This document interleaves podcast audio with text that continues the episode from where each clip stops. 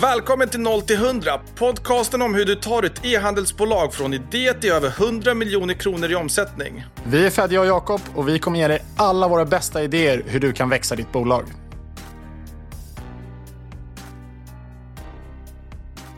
Okej, vi är tillbaka med avsnitt 4 av 0 till 100. Otroligt kul att vara tillbaka. Hur känns det Fedja? Nej, men återigen, det är eh, så kul att det är så många som har börjat lyssna på podden.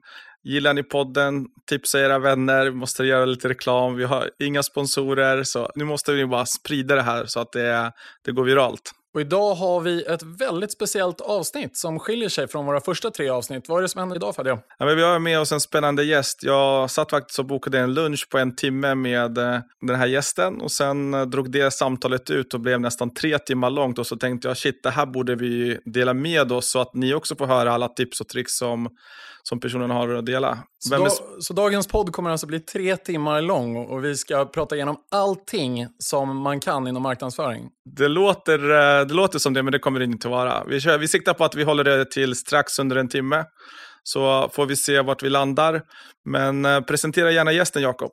Absolut. Idag har vi förmånen att ha med oss Carl Rosenqvist, Tidigare CMO på Daniel Wellington, var på Daniel Wellington i åtta år och innan det en lång karriär inom lite olika retail-touchpunkter, men som nu är på väg ut i världen och på nya spännande äventyr.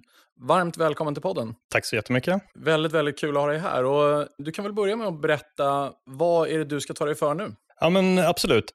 Just nu så har jag ganska så nyligen avslutat min tjänst på Daniel Wellington nu i somras och nu ser jag fram emot att konsulta och hjälpa svenska och europeiska bolag att ta sig ut i världen. Och det kommer jag göra via Bridge Consulting. Så vi kommer hjälpa bolag med expansionsplaner internationellt. Spännande. Och hur känns det? Då? Åtta år på ett och samma företag är länge. Jag har själv varit åtta år på ett företag tidigare och det kändes väldigt speciellt när man lämnade. Ja, det är klart det känns otroligt konstigt. Eh, det har ju liksom blivit nästan en del av min egna identitet. Liksom. Från det att jag var väldigt novis i marknadsföring och började som marknadskoordinator till att till slut blev CMO.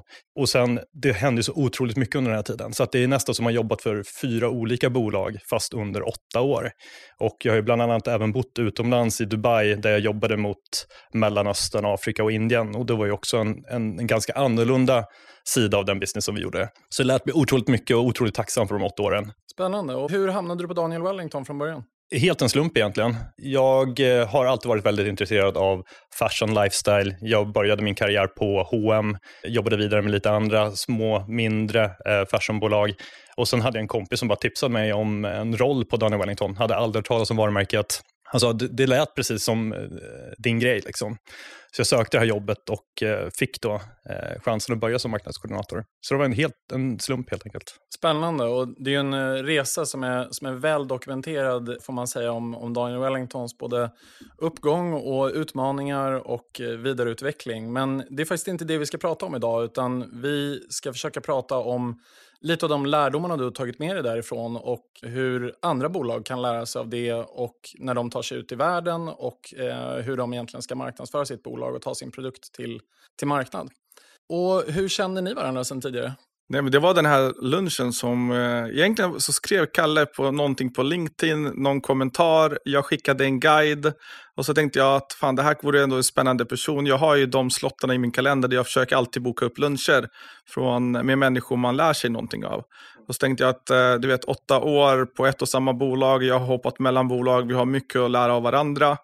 Eh, så, så vi tog en lunch och sen den lunchen eh, drev vi ut ett ganska långt samtal. Spännande.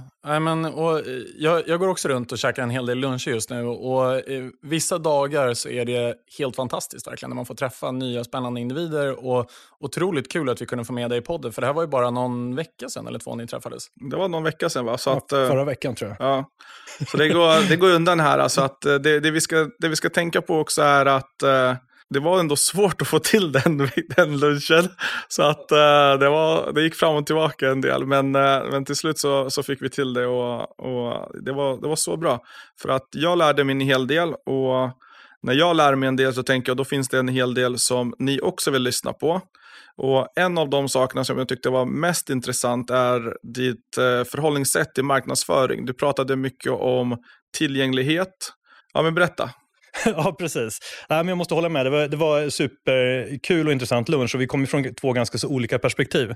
Så det, man har ju mycket att lära av varandra. Och jag, Fedja vet ju otroligt mycket som inte jag kan, så det var en eh, superkul och liksom dynamisk diskussion. Ja, men vi pratar väldigt mycket om marknadsföring och egentligen grundläggande principerna för marknadsföring. Och en princip som jag, som jag ofta utgår ifrån och som jag tycker är väldigt bra att tänka på, det är om man hårdrar det ner till vad det faktiskt innebär att marknadsföra en produkt och sälja en produkt. Det är egentligen finns två stycken limiterande faktorer. Och det är egentligen mental availability och physical availability. Och man kan kalla det egentligen då share of voice, hur, hur stor share of voice man har gentemot sina konkurrenter. Och sen så opportunity to buy, hur mycket liksom, opportunities har konsumenten att köpa sin produkt. Och det handlar då om liksom, distributionskanaler och hur lättillgänglig man är för kunden. Och här vill man egentligen ha så stor share of voice som möjligt i relation till sina konkurrenter och som man vill finnas tillgänglig på så många platser som möjligt. Och det var egentligen där som min och Fedjas diskussion började tror jag. Där Fedja har ett e-com-perspektiv, den är väldigt fokuserad på att sälja online, extremt duktig på det. Och jag har ett lite bredare perspektiv där vi har använt oss och erfarenhet från flera olika säljkanaler. Det skapar en komplexitet men det gör också en ökad liksom availability mot konsumenten. Dels att man får en, en närvaro ute i marknaderna om man finns ute i butiker, om man har sina egna butiker, om man finns på marketplaces så är det mycket större chans att du stöter på kunder. Du behöver inte dra in alla leads själv utan slumpen kommer göra att de stöter in i dig på en retailbutik när de söker efter en viss typ av produkt på en marketplace och så vidare. Så det är väl där vår diskussion började. Och så måste man vara smart förstås och försöka då lista ut och hacka lite på ett sätt. Hur får jag en större share of voice i relation till mina marknadsandelar än mina konkurrenter? För det är så man växer som varumärke. Så där får man vara smart. Nu har ju TikTok varit en sån trend som många har hakat på, där man har fått en, liksom en, en väldigt stor fördel att köpa billig reach, eller äga billig reach. Exakt. Jag, jag är nyligen eh, hemflyttad från USA och i USA så hade vi paketmottagningen, en människa som faktiskt tog emot paketen i vår byggnad, vilket gör att e-handel blir väldigt, väldigt sömlöst. Att man, det, paketet står där på bänken när man kommer hem på eftermiddagen och så bara tar man det i farten. I Sverige är det inte så i så stor utsträckning, utan man får gå och hämta det i en box eller på ett postombud, vilket gör att jag faktiskt, trots att jag jobbar med e-handel och är väldigt framskjuten i hur mycket jag handlar över e-handel, ändå i lite större utsträckning överväger att köpa i fysisk kanal. Och jag skulle häromdagen köpa hårvax. Och jag var ganska sett på att jag skulle köpa Maria Nila hårvax. Jag har eh, personlig koppling till det bolaget genom att jag känner många människor som jobbar där. Och jag går förbi Åhléns. Och sen så smiter jag in på Åhléns och tänker att nu ska jag köpa mitt Maria Nila hårvax. Men det finns inte på Åhléns. Och någonstans där så räckte inte riktigt min varumärkestrogenhet mot Maria Nila till, för jag behövde lösa ett problem också. Det slutade istället med att jag köpte en annan produkt. Nu hade Maria Nila tur, för att den produkten jag köpte blev jag inte alls nöjd med. Och Det gör ju att jag inte nu nästa gång kommer köpa den produkten igen, utan jag kommer återigen leta efter Maria Nila-vax och kanske den här gången en digital kanal har bättre framförhållning. Mm. Men det var verkligen ett sånt tydligt live-exempel för mig, där de inte fanns available vid det tillfället när jag ville köpa och det fanns många andra produkter tillgängliga och jag valde att gå med en annan leverantör. Och det, liksom, det knyter an någonstans till det du nu talar om. just att De hade min share of mind, men, men de var inte available. Hade de varit available så hade du ju köpt Marianila. Och hade nu den andra produkten varit bra, då hade du kanske fortsatt använda den andra produkten. För det är ändå någonstans, du har använt den då i x antal veckor innan den burken tar slut, kanske månader. Då har man till och med hunnit glömma bort Marianila. Och någonstans, eh, jag tänker på, det, vår diskussion handlar mycket om, är, har man en produkt som är en sällanköpsvara, så är det på ett sätt. Har man en gåva så är det på ett annat sätt. Har du en recurring, typ hårvax, typ av produkt, där du måste köpa någonting återkommande, så kanske har en, en annan framförhållning. Nu, inte om du heter Jakob då. Nej, uppenbarligen inte. Men ändå, jag, menar, jag tror alla kan relatera till en situation där någonting har tagit slut hemma och man kanske inte liksom har förutsätt det, vare sig det är mjölet eller hårvaxet. Liksom. Det, och, och, man behöver lösa problem. Mjöl är på ett sätt lättare att säga att men vet vad, vi får baka nästa helg, men, men håret har man ju med sig när man går ut på stan, så det är ändå viktigt att man ser någorlunda rimlig ut i alla fall. Men Kalle, har du något exempel på där du vet att uh, ja, men antingen från din historia eller från, uh, från något annat varumärke som du har sett har gjort uh, den här både, både, både har funnits och haft eh, en bra share of voice, det vill säga har gjort en bra marknadsföring. Något bra varumärke som du kan ge ett exempel på? Som gör båda bra. Jag menar, det finns, om man ska dra något så här, riktigt så här klassiskt exempel, eh, om man tittar på de som är världsbäst, liksom Coca-Cola och Nike, de finns ju precis överallt, eh, som gör det väldigt, väldigt, väldigt bra. Jag menar, de syns överallt, de finns överallt, vilket gör att Du är alltid top of mind och de finns alltid tillgängliga. Eh, får man titta på Coca-Cola-produkter till exempel. Och det är kanske ett, ett, ett slarvigt exempel här istället för att säga någonting som är lite mer lifestyle eller retail som vi pratar om. Men, men det är kanske det de som är best in class om man ska vara helt ärlig. Jag, jag tycker att det är bra exempel och det som är så fantastiskt med både Nike och Coca-Cola och kanske framför allt Nike är någonstans att det är också väldigt starka varumärkelser i bemärkelsen att man ser ju på Nike som ett premiumvarumärke. Mm. Och jag tror att det som många, eller liksom en av de aspekterna som människor väger in när de inte vill gå ut i för många kanaler, mm. det är ju just att man tappar ju delvis kontrollen över kundresan. När man tappar kontrollen över kundresan, då tappar man delvis kontroll över sitt varumärke och hur kunden uppfattar varumärket. Men Nike lyckas ju på något vänster balansera det där och både ha en känsla av att det är ett premiumvarumärke som är ganska emotionellt laddat till toppatleter egentligen och eh, ändå finnas, precis som du säger, tillgängliga i varenda sportbutik på hela jordklotet praktiskt taget. Fast eh, jag skulle ändå säga att Nikes strategi sista typ fem åren har varit att dra tillbaka du vet, inventory från varenda sportbutik på hela jordklotet och, och, även Adidas strategi har varit att du vet, köra mer i egna kanaler och köra mer med få retailers istället för att finnas överallt och på alla marknadsplatser och där man ser att folk har dumpat priserna på Nike shoes och, och deras, speciellt med de här limited editions när de droppar dem tillsammans med några väl utvalda retailers. Och positionera dessa retailers gentemot de andra. Och det tycker jag de har gjort bra över tid. När man tittar då på hur lång tid den här resan har tagit. De började någon gång 2015 och har fortsatt och håller än på idag och dra tillbaka retailers. Det jag tycker, om man bara tittar utifrån hur Daniel Wellington gjorde, så gick den resan och den transitionen otroligt fort. Man gick från, jag vet inte, tiotusentals, kanske hundratusentals resellers till ett par hundra egna butiker. Och där undrar man ju hur tankarna gick. Jag vet inte om du var med i det beslutsprocessen, men jag förstår inte varför det gick så fort. Eh, en, en, en väldigt bra fråga. och jag väljer nog att inte kommentera specifikt på Daniel Wellington, men om vi bara tittar på, på problematiken som vi pratar om just mm. nu, tillgängligheten och som du sa precis så riktigt också, att det är klart man vinner då en möjlighet att sälja till kund. Du, har, du ger en, liksom en, en physical availability ökar, men samtidigt så blir det en risk för brandet. Om man finns i butiker som inte väl kan representera ditt brand, om de ständigt discountar, om de inte om de inte displayar varorna på rätt sätt, då blir det ett problem i sig. Så mm. jag känner ju väl till att Nike och Adidas har gått tillbaka och försökt ta in en del av sitt, sin distribution mot att försöka skapa bättre och mer effektiva kanaler online och utveckla koncepten, dels sina egna butiker och med, med liksom mer taktiskt valda partners. Och det tror jag är superviktigt att man hittar den balansen. För att annars riskerar du också att förlora kontrollen över varumärket helt. Så du kanske gainar då egentligen i att fler opportunities to buy, men kostnaden blir för hög i form av vad det betyder för varumärket, att du inte syns eller presenteras på rätt sätt. Och där kommer egentligen en tredje parentes in i, i, i den där generella marknadsföringsregeln där du har share of voice, opportunity to buy och brand. Brand, ja, absolut. Ja, men exakt, för att share of voice är ju någonstans, men det, det handlar ju, och jag vet inte om man, om man liksom tänker in det i share of voice också, men det handlar ju någonstans om det brand equity man har byggt upp och om man har faktiskt en, en preferens utöver en kännedom om att, att vända sig till det varumärket. Och mm. Oftast så företag använder den typen av eh, emotionell känsla mot ett varumärke. Det handlar ju om att man, man kan ta ut ett högre pris mm. och på det sättet vinna marginal. Det lustiga med just Nike det är att de gör inte det i så stor utsträckning. Om du går och köper liksom en premiummodell av Nike löparskor och en premiummodell av Adidas löparskor så kostar de ungefär lika mycket.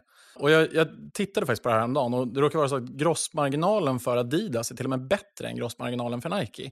Och jag skulle ändå tro att de flesta människorna skulle referera till Nike som liksom ett starkare varumärke i sportsko-businessen. Och jag bara funderar på, finns det liksom kan du se någon rational i varför man inte väljer att använda sitt brand leverage för att faktiskt öka priserna? Ja, bra fråga. Alltså, det finns ju vissa undantag i det där också. Nike har gjort vissa samarbeten till exempel med Virgil Abloh och Off-White som är väldigt dyra. Där har man verkligen tagit ett premiumpris och, och satt sig högt, högt, högt upp ovanför sina normala priser. Men på något sätt handlar det väl återigen, och det, det är intressant att, att, titta till kundens behov. De har väl identifierat en kund, ja, de har en väldigt bred kund, men de kanske inte vill lägga sig för högt upp för att de börjar aspirerar på att bli en annan typ av varumärke än det som deras kunder resonerar med helt enkelt. Så att eh, möjligtvis är det så att de har sagt att i den här, liksom, det här är vår kund och i den här priskategorin måste vi ligga för att vara relevanta för den här kunden. Annars börjar de bli ett annat typ av varumärke.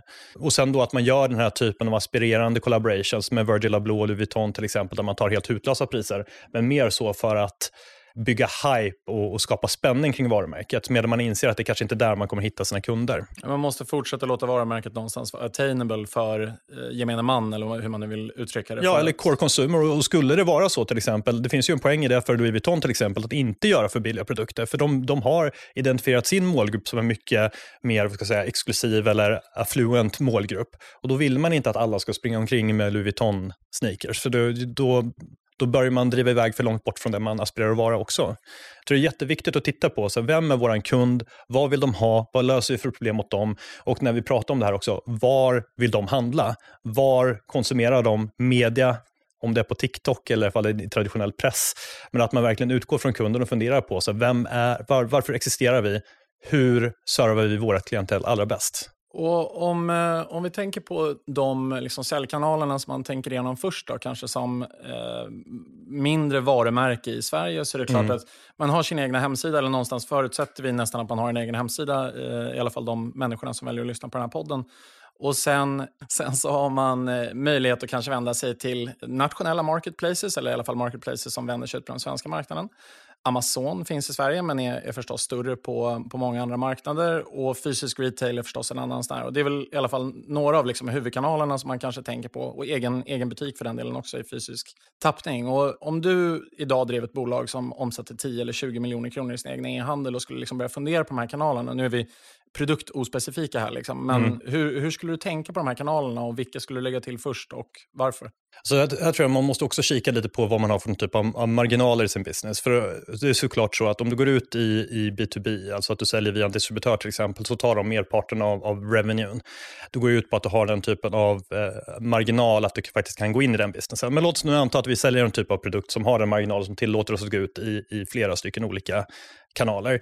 Eh, ett sätt som jag tror, en sak som jag tror är väldigt bra, det är att försöka börja relativt högt upp i hierarkin så att säga. Att man väljer kanal där man bygger aspiration. Så att nu, nu kan vi prata specifikt om Sverige, nu vet jag att vi pratar om att det går utomlands, men bara för att jämföra lite. Om du säger att man ska gå in i, ja, men låt, oss ta, låt oss ta Frankrike som ett exempel, som, där jag känner till lite butiker och sådär också. Men om man ska in i, i Frankrike och etablera sig där, det är en väldigt svår marknad generellt sett. En väldigt picky, väldigt uh, high, high fashion och, och svår att ha att göra med generellt och allting ska översättas till franska. Så jag säger inte att det är det bästa valet, men om vi tar Frankrike som ett exempel, ja. då gäller det att försöka hamna på rätt ställen först. Jag tror att om man tittar på att expandera till nya marknader och nya kanaler, det är att så här, hamna på rätt ställen. Att försöka komma in på Le Bon Marché som är ett jättefint eh, liksom, varuhus, Galerie Lafayette, Printamp. Om, om du lyckas komma in på de ställena, då kan man välja att vraka lite mer sen vart man ska komma näst. För då har du liksom satt en ribba för varumärket. Att försöka göra så, eh, jag nämnde tidigare, eh, när vi, när vi hade vår lunch också, kring Homey, eh, Life in Balance, som gör hälsoprodukter. Grundaren där, Fredrik Kling, berättade att de först eh, introducerade sina produkter på mer exklusiva yogastudios i Stockholm. Det är också precis en sån grej, att, att ta liksom en position, att börja högt och sen så kan man gå ut i dagligvaruhandel eller med marketplaces och återförsäljare som inte riktigt har samma status. Men det kommer vara supersvårt att gå in till Frankrikes motsvarighet till Clas Olsson och börja sälja dina produkter där för att sedan försöka få in dem på Printamp eller på Le Bon Marché. Så att jag tror att försök börja med, med, med rätt återförsäljare. Det är kanske inte där du kommer tjäna dina mesta pengar, men det kommer sätta en ribba för varumärket. Vad gäller kanaler så tror jag också så här, jag hade ganska tidigt börjat prova med marketplaces. Välja relevant marketplace för den produkt man har. Vi pausar och går tillbaka till den frågan. För hur lång tid ska det ta? Om, om man kommer in på Lafayette galleri i Paris då. Ja. Hur lång tid ska man vänta innan man rullar ut det till resten av butikerna? Hur ska resten av butikerna få reda på en? Ska man gå via agenter, via distributörer? Vad, tänk, vad tänker du där? Jag, jag, tror ju, jag tror att man ska ta hjälp. Att försöka göra allting själv från Sverige kommer vara supertufft. Eh, och det kommer vara jättetufft att som en, eh, en, en, eh, svensk kille eller tjej från Stockholm att försöka komma in liksom i på Le Bon Marché eller, eller Printemps. Jag menar, det, det, går säkert, men det kommer vara supertufft. Då är det kanske bättre att försöka hitta en agent eller en distributör som redan har det kontaktnätverket. Som du kan övertyga om att, att ni gör en gemensam bra affär. Det här innebär ju såklart att du ger bort en del av din marginal, men du kommer också släppa en massa huvudvärk. Du har en person som verkligen känner den här marknaden, som känner de här personerna, som vet hur man ska marknadsföra och positionera produkten i, i den här marknaden du ger in på. Så jag skulle nog verkligen överväga att, att titta efter en agent eller en distributör som har erfarenhet från den specifika marknaden och eh, branschen man är i.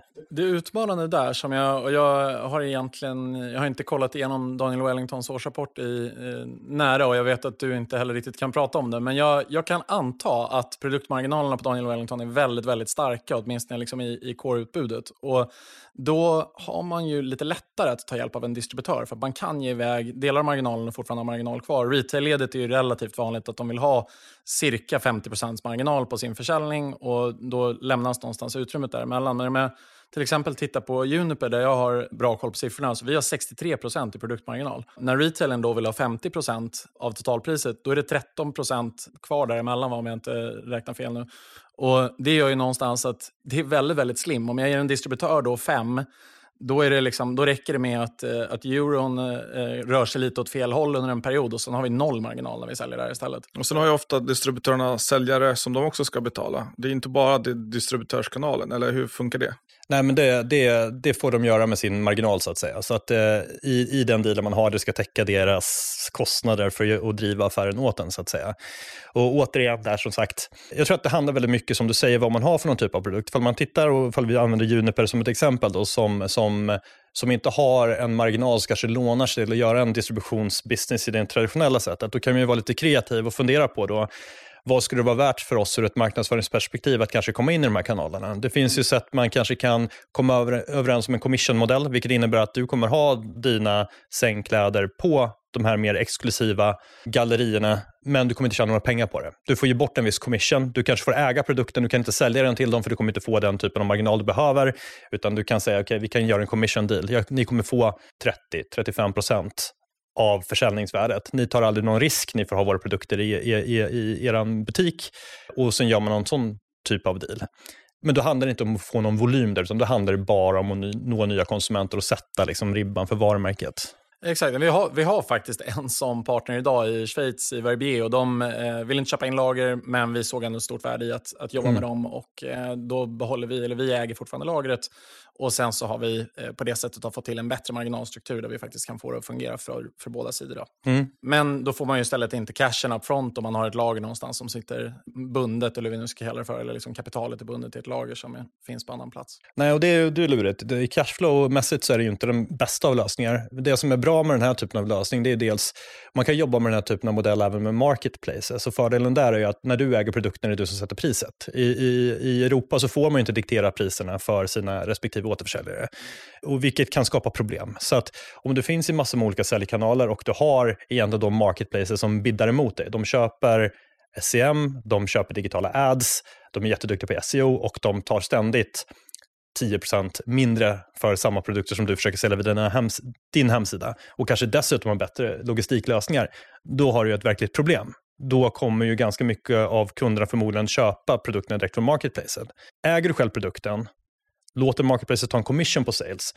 Det blir problematiskt ur ett cashflow-perspektiv, men du kan ju alltid sätta de priser du vill. Och du kommer inte ha den risken att de hela tiden skjuter under dig. Och Det värsta är väl kanske om man finns på två stycken olika marketplaces eller tre återförsäljare och de börjar konkurrera mot varandra och försöker gå ner 10% under varandra hela tiden. Då har mm. helt plötsligt ett, en, liksom ett ekosystem där ständigt några aktörer säljer din produkt för 30% mindre än vad du gör de retailerna, vad jag vet, använder sig av prisrobotar. Så du är en av 27 000 produkter i deras katalog eller en av typ 10 000 varumärken. Så att de har inte ens koll på att de skjuter under sin konkurrent. Utan de använder prisrobotar, prismatchar och det är inte medvetet val från deras sida. Men de vill ju också sälja det de får in. De har ju säkert en, en policy att de vill kunna snurra lagret inom 60 dagar eller inom 90 dagar. Och Säljer de inte så tar de ju inte in mer. Så att någonstans så, så vill man ju att de ska sälja, men man vill inte att de ska konkurrera mot varandra. Så hur förhindrar man att en sån sak händer? Finns det något sätt, att, eller har något tips? Alltså, två, två sätt som jag känner till. Det ena är det som vi precis pratade om, att man faktiskt har en commission-modell, ja. man själv äger produkterna. Det kan ju bli lite problematiskt ur ett cashflow-perspektiv. Ett annat sätt att göra det på, det är att man utvecklar specifika SKUs, speciella SKUs för marketplaces som man inte säljer på sin egen hemsida, som är i princip identiska. Så att säg att man säljer ja, men sängkläder, det är en jättebra exempel. Du säljer framförallt kanske vita sängkläder skulle jag gissa, men säg då för att man, för att man, ska, hit, man ska skapa en SKU som skiljer sig från, från det egna sortimentet så lägger du till en, en röd söm längs hela kanten på alla de här prylarna. Eller att du gör rosa sängkläder, blå sängkläder och så säger du det till, till Amazon eller till Zalando, vad man nu kan tänka sig köpa de här sängkläderna, att dels så kan du erbjuda dem att få en, en viss sortiment exklusivt, vilket alltid är attraktivt för de här, för det gör att de får en extra liksom, USP i det, men också att de inte tävlar mot dina SKUs, för de, de, de skjuter på skunumret så att säga. Så då har du en, en parallell vara som du säljer via de här kanalerna, där de äger prisbilden av just den varan, men de kan inte köpa exakt samma eller skjuta under varandra via den här typen av prisrobotar. Ja, men det är väl en, en jättebra poäng. Och jag vet att till exempel eh, Hims i USA som, som säljer eh, ja, prescription drugs och eh, andra typer av, av eh, varumärken för egen vård, eller andra typer av produkter för egen vård. De har precis den strategin att de går ut med kanske 10% av sitt utbud i retail-led men äger liksom alla sina nyckelskus, alla sina hero-produkter har de bara på egen sajt vilket gör att de kan få in människor i de produkterna de konsumerar att se till att eh, köpa på egen sajt där de såklart ha bättre marginalstruktur. Absolut, och där tänker jag också, det här får man vara lite smart och kreativ. Alltså value proposition kan ju se lite annorlunda ut beroende på var man köper produkten så att säga. Jag kan ju tycka någonstans att alltid den bästa, bästa upplevelsen ska vara att handla antingen direkt i butik, egna butiken, eller via egna hemsidan. Det är där du får den speciella förpackningen, det är där du får det här lilla greeting cardet, det är där du får en speciell upplevelse som ger dig ett, liksom ett, en premium experience.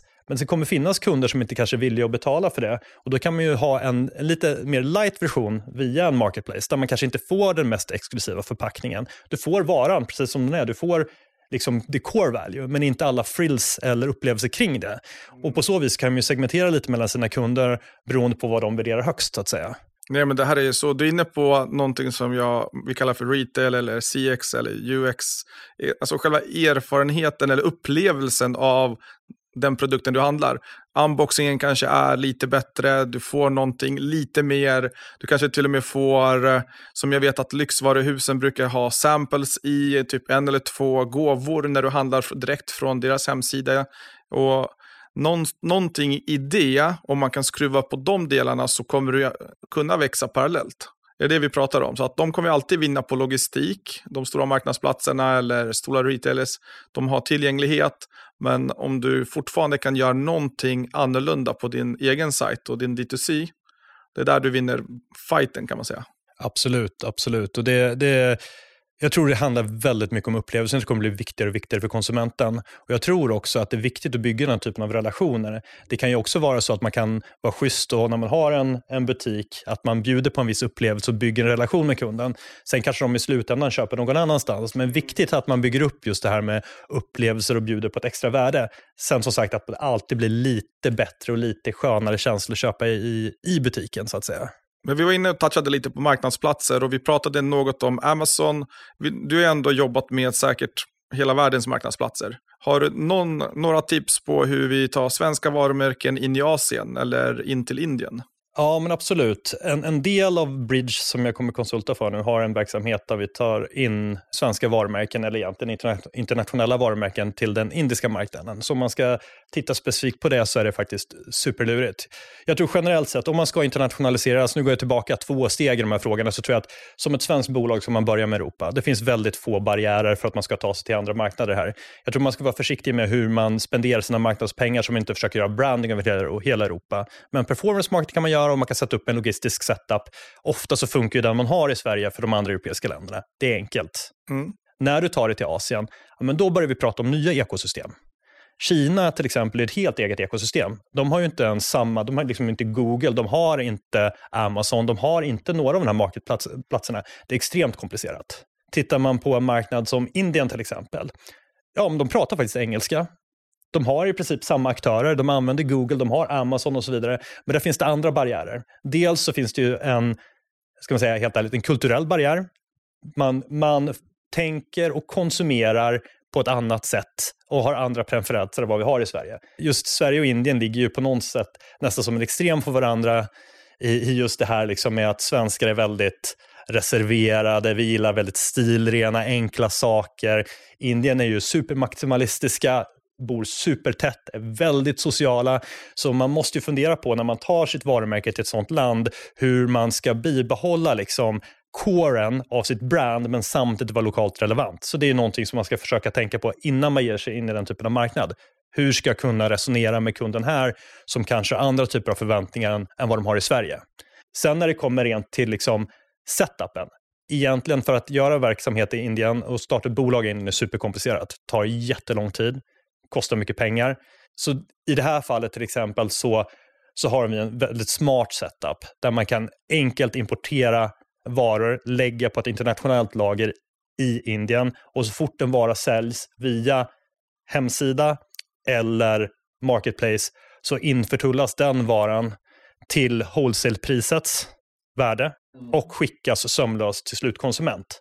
Vilket innebär att man betalar en lägre importavgift och varan kan skickas till kunden oerhört snabbt istället för att det ska ligga på Sverige, ta en vecka eller två på, på shipping över, ska gå igenom hela den komplicerade tullprocessen, kunden får betala import och sen gå vidare ut. Så det, det, här är liksom en sån sömlös liksom lösning som gör att man faktiskt på ett billigare vis får in varan i landet och kan skicka den direkt till slutkonsument.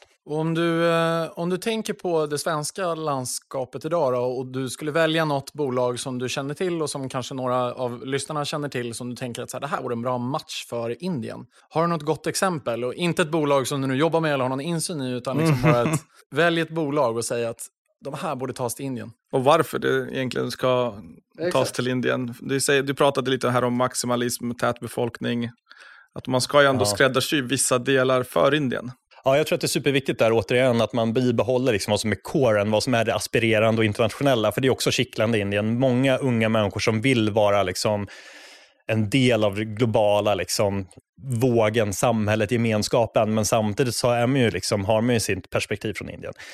Jag tror att i Indien finns det en jättestor marknad för Ja, dels skandinavisk design, det tror jag verkligen. Jag tror att den yngre generationen tycker att det är schysst och lite kittlande med den här schyssta svenska designen. Men något som jag tror att det finns väldigt mycket i, det är liksom makeup och skincare i mm. Indien som mm. har vuxit enormt snabbt. Och de har ju en väldigt lång tradition av det också. Jag menar 4000 år av ayurvediska treatments och hudlotions och allt sånt där. Det finns en väldigt etablerad kultur att använda den typen av produkter och folk är väldigt måna om hur man ser ut. Så att, till exempel som ett sminkvarumärke, jag vet inte om man skulle kunna nämna någonting direkt, men top of mind, det är väl att de gör ett bra jobb med marknadsföring också, men säg Kaja då. Mm. Det skulle säkert kunna tas till, till Indien och göra en jättebra resa där. Det man skulle behöva göra det är att se över sina, sina färger, så att det funkar med komplexiteten i, i, i människors utseende där. Att man kanske till viss del anpassar förpackningarna eller åtminstone anpassar sig till de högtider som finns där. Mm. Så att, eh, ett sånt varumärke tror jag definitivt skulle funka. Och Indien är ju väldigt delat. I Sverige så är vi liksom många i en ganska så välbeställd medelklass. Liksom. Så att den här typen av mid-level brands funkar väldigt bra här. Och det funkar i Indien också, men du har ju mycket större skillnader mellan de som har lite pengar och de som har mycket pengar. Så det finns ju också ett enorm potential för ett premiumsegment i Indien. Exakt, och det, man ska ju tänka på det att när man pratar om Kina eller Indien och så där, det är väldigt lätt att ens hjärna går till medeltalen någonstans av mm. inkomster mm. till exempel. Men det är klart att antalet rika människor i Kina eller i Indien är oändligt mycket större än vad det är i Sverige också. För att det, det, trots att de är relativt få sett i totalen så är det fortfarande väldigt, väldigt många människor i nominella tal. Absolut, och det är lätt att locka sådär. Men eh, nu ska vi sälja min produkt till en miljard människor och det här kommer bli toppen. men sen är det också tricket att segmentera där, för där blir segmentering långt mycket viktigare än vad det är i Sverige till exempel, där vi har en lite mer liksom en homogen målgrupp. Det är viktigt att segmentera här också, men du kan ju tänka dig om du börjar försöka targeta en miljard människor, då kommer din krigskassa ta slut ganska snabbt.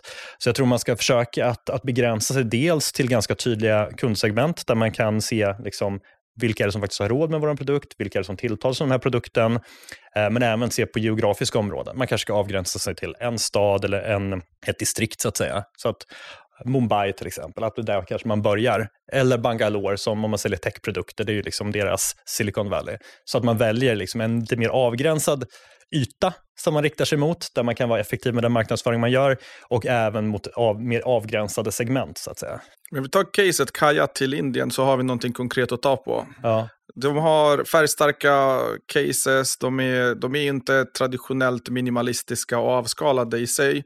Sajten är som, som den är.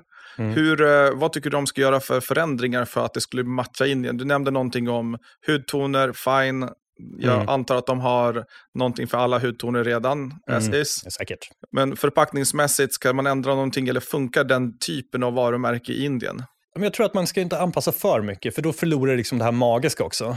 Jag vet ett exempel eh, i Indien som, som jag har hört och sen själv också sett till viss del. Det är, är eh, Jack and Jones var supercoolt i Indien ett tag. Mm. Det kom in som liksom det här danska alltså, mm, precis. Eh, varumärket. Kom in och öppnade upp butiker i Indien.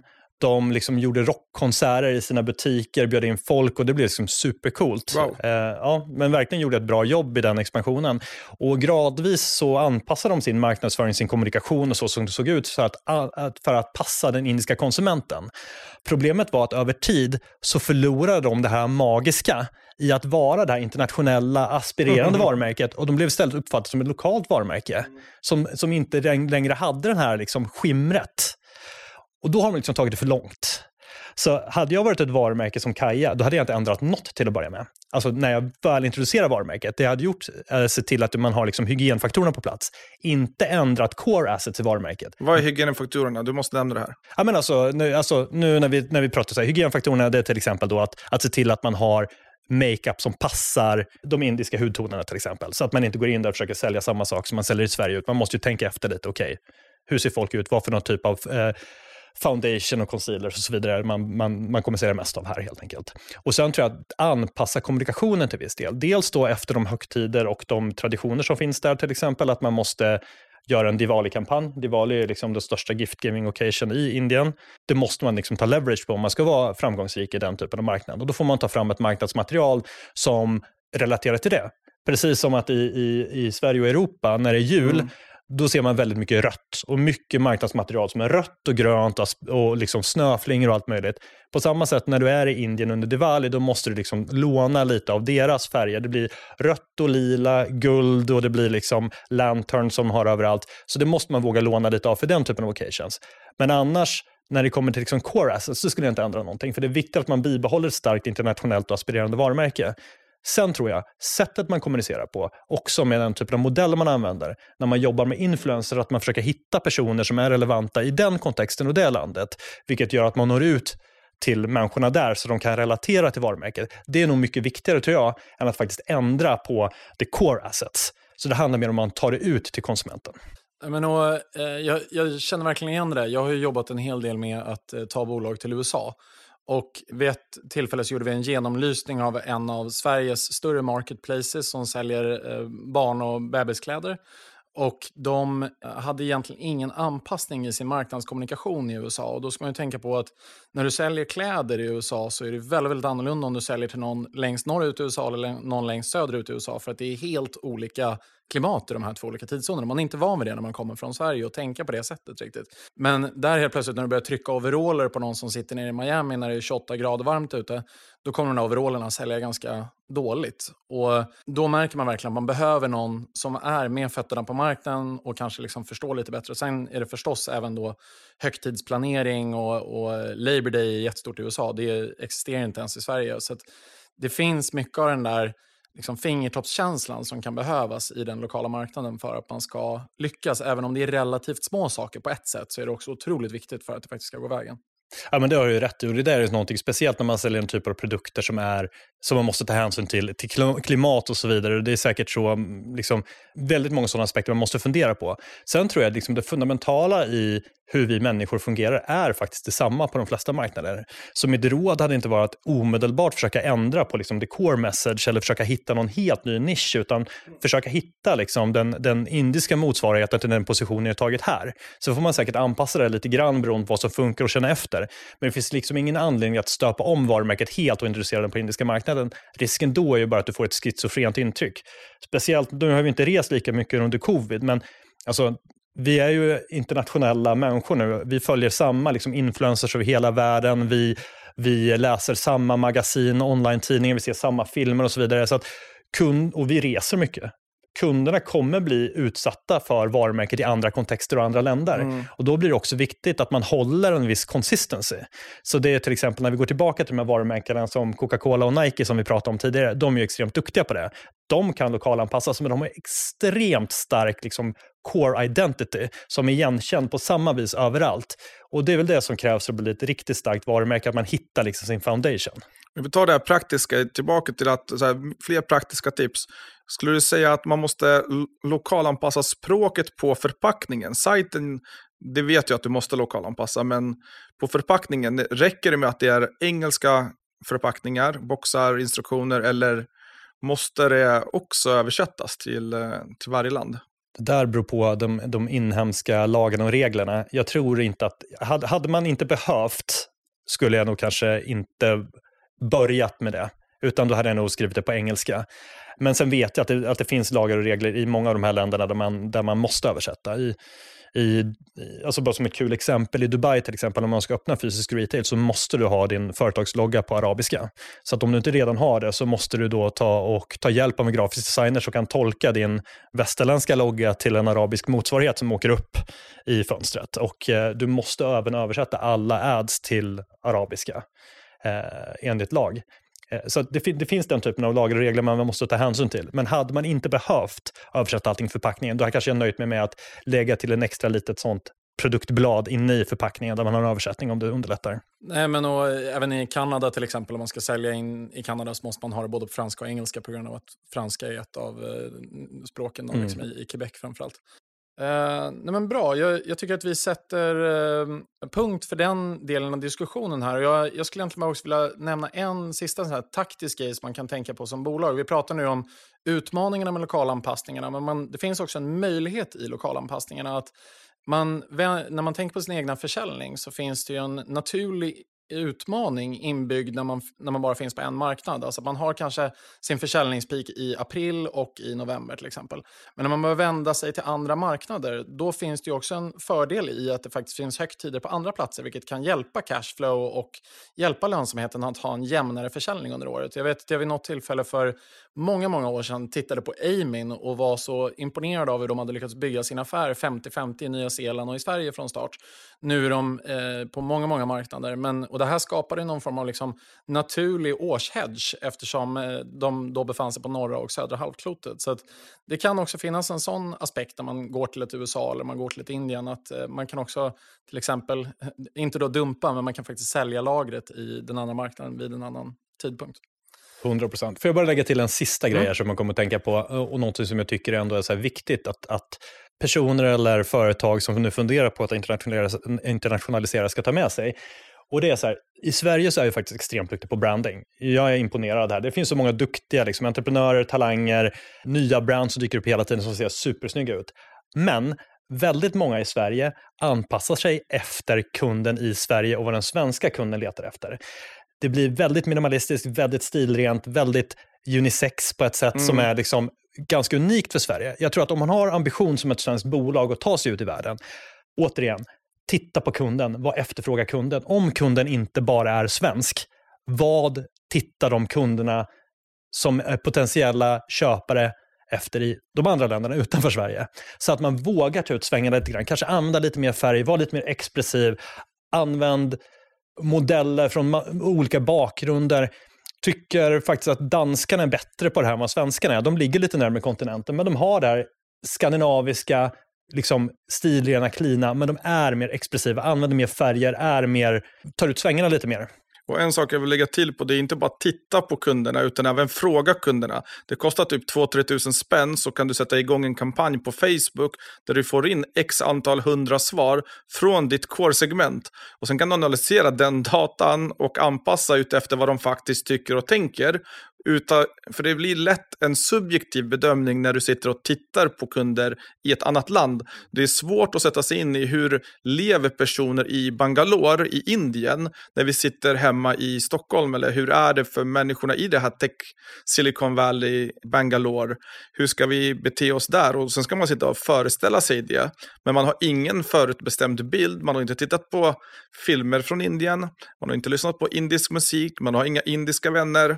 Den Eh, så, så det kan bli subjektivt. Så det bästa är egentligen att bara köra en enkät för några tusen lappar och fråga folk vad de faktiskt eh, tänker och tänker om vissa produkter, vissa känslor. Om, ska du lansera ett makeup-brand, om de vill ha det på ett visst sätt. Och när du ställer den frågan, visst att du kommer få ett svar och det svaret ska man ju tolka ur både ett marketingperspektiv men också kostnads, kostnadsmässigt. Är det, är det lönt att göra den här förändringen? Hur stor uplift kommer det ge på konverteringen? Eller på någonting annat. Så bra tips, men om vi går till poddens egentligen sista segment här nu när vi, du är vår första gäst. Wow. Så att äh, det, det kommer komma fler gäster, men äh, i slutsegmentet så tänker vi ju fråga nu alla våra gäster vad de har för, eh, för tips och tricks att dela om de hade startat ett D2C-brand från noll idag. Antingen om man har någon, något bra direkt, direkt, konkret tips på något varumärke som man har sneglat på i något annat land. Ta hem det till Sverige. Eller om du har en produktkategori. Hur det hade fungerat och hur vi skulle sätta upp det här nu. Och kanske ett, ett tillägg där också. Ja, men, men, om man ska tänka att det här varumärket ska vi försöka ta till 100 miljoner kronor. Ja. Mm på hyfsat kort tid. Alltså inte, in... ja, precis, såklart. Nej, men, ja, men jag, jag, jag gav det här en del funderingar. Jag, jag kom ju på nya liksom, briljanta affärsidéer var och varannan dag, på att säga. Men en, en idé som jag kommer tillbaka till ganska många gånger, som jag tycker är ett otroligt spännande segment och som jag ser växer otroligt mycket, det är liksom wellnessprodukter och wellness-segmentet. Man ser att det finns en ökad medvetenhet hos konsumenterna kring hälsa. Det är väl ingenting liksom att sticka under stol med att vi lever nog osundare nu än vi gjort på väldigt länge väldigt många som har diabetes, många som är överviktiga, många som inte sköter sin träning eller sin kost på rätt sätt. Men det finns också liksom en motreaktion mot det, att folk är mer medvetna. De vill se till att man lever på rätt sätt, att man äter nyttigt. Och jag tror att det finns en enorm möjlighet att förpacka det på rätt sätt som gör det lättare för konsumenterna att hitta rätt. Jag är själv intresserad där och köper en del preparat. Liksom. Men det tar mycket tid för mig. Jag går in på YouTube och kollar, försöker förstå vad som är rätt för mig, kanske går och pratar med någon i i typ Life-butiken för att fatta. Men jag tror att om man på ett smart sätt hade kunnat paketera på den här typen av produkter, säg att man gör liksom motsvarande en multivitamin fast man jobbar med, med andra typer av koncept som man kan sälja till slutkonsumenten. Att man har en för energy boosting, en annan produkt för relaxation och en tredje för att vara social till exempel. Så tror jag det finns, det finns, det finns, det finns en marknad för det. Och du, du, du garvar lite till det sista, men det här är, det här är ett fantastiskt exempel. Visa, eller det berätta. jag, ska, jag ska berätta. Och det här är en produkt som kanske inte lämpar sig allra bäst för liksom e-handel D2C, men färdiga drycker. Det finns ett bolag som heter Kin Euphorics i USA som Bell Hadid har startat med en vän. Eh, och de gör drycker som ett substitut för alkohol för att man ska få en slight buzz och vara social utan att behöva dricka alkohol för den delen. Så i den här drycken, då, de, har lite, de är lätt sötade med olika smaker och sen lägger de till adaptogener och nootropics som det heter. Så att det kan vara allting från ashwagandha till eh, grönt teextrakt till Lions Mane Mushroom. Nu slänger vi en massa termer här, ni får googla det här sen. Men egentligen naturläkemedel som ska ge vissa effekter. Och sen säljer man det här som ett substitut för alkohol. Det tror jag är supersmart. Jag har faktiskt en, en vän i Florida som är distributör för precis en sån här dryck. Nu, det hade ju varit briljant om jag kunde namnet på det här varumärket så jag kunde mm. gett en shoutout till honom, men jag kan faktiskt inte det. Men det heter typ så här Be Happy eller Smile eller något så här relativt generiskt. Men de har fina förpackningar och eh, man får just den här lite känslan av avslappning när man dricker och det är mm. ett substitut till alkohol så att man mår förhoppningsvis också bättre eh, dagen efter eh, och det kanske inte skadar kroppen riktigt lika mycket som alkohol gör. Ja, men det här känns ju som verkligen ett, någonting som jag också har sett nu poppa upp mer och mer i USA. Det fanns en, jag har en bra e-handelsvän eh, som, som har startat ett företag för några månader sedan som heter Breeze. Och de säljer CBD i dryckesformatet. Mm. Och det ska ju vara någon typ av uh, substitut för alkohol. De säger att det är bättre och att du får, du får den kicken. Så, och det är ju såklart en legaliseringsfråga här i, mm. i Europa, speciellt i Sverige. Där man inte får sälja THC i dryck eller i, i något annat format förutom att du får ha 0 THC, CBD-produkter i skincare. Mm. Men jag, tror att, eh, jag, jag, tror att du är någonting på spåren här. För att I USA så känns det som att, inte bara, nu, nu blev det väldigt mycket fokus just på den här biten med social avslappning, eller vad vi ska kalla det för. Ja. Men om man går tillbaka lite till core-idén någonstans med wellness, eh, som, som ju ofta handlar om träning eller om någonting annat. Och, och det finns ju otroligt mycket brands i det här spacet i USA. Men i Sverige så finns det inte riktigt det. Och det finns ju en attraktiv subscription-modell som man skulle kunna tänka sig att ett sånt här bolag skulle kunna använda sig av, som liksom underbygger det på ett positivt sätt om man lyckas hitta en bra product market fit.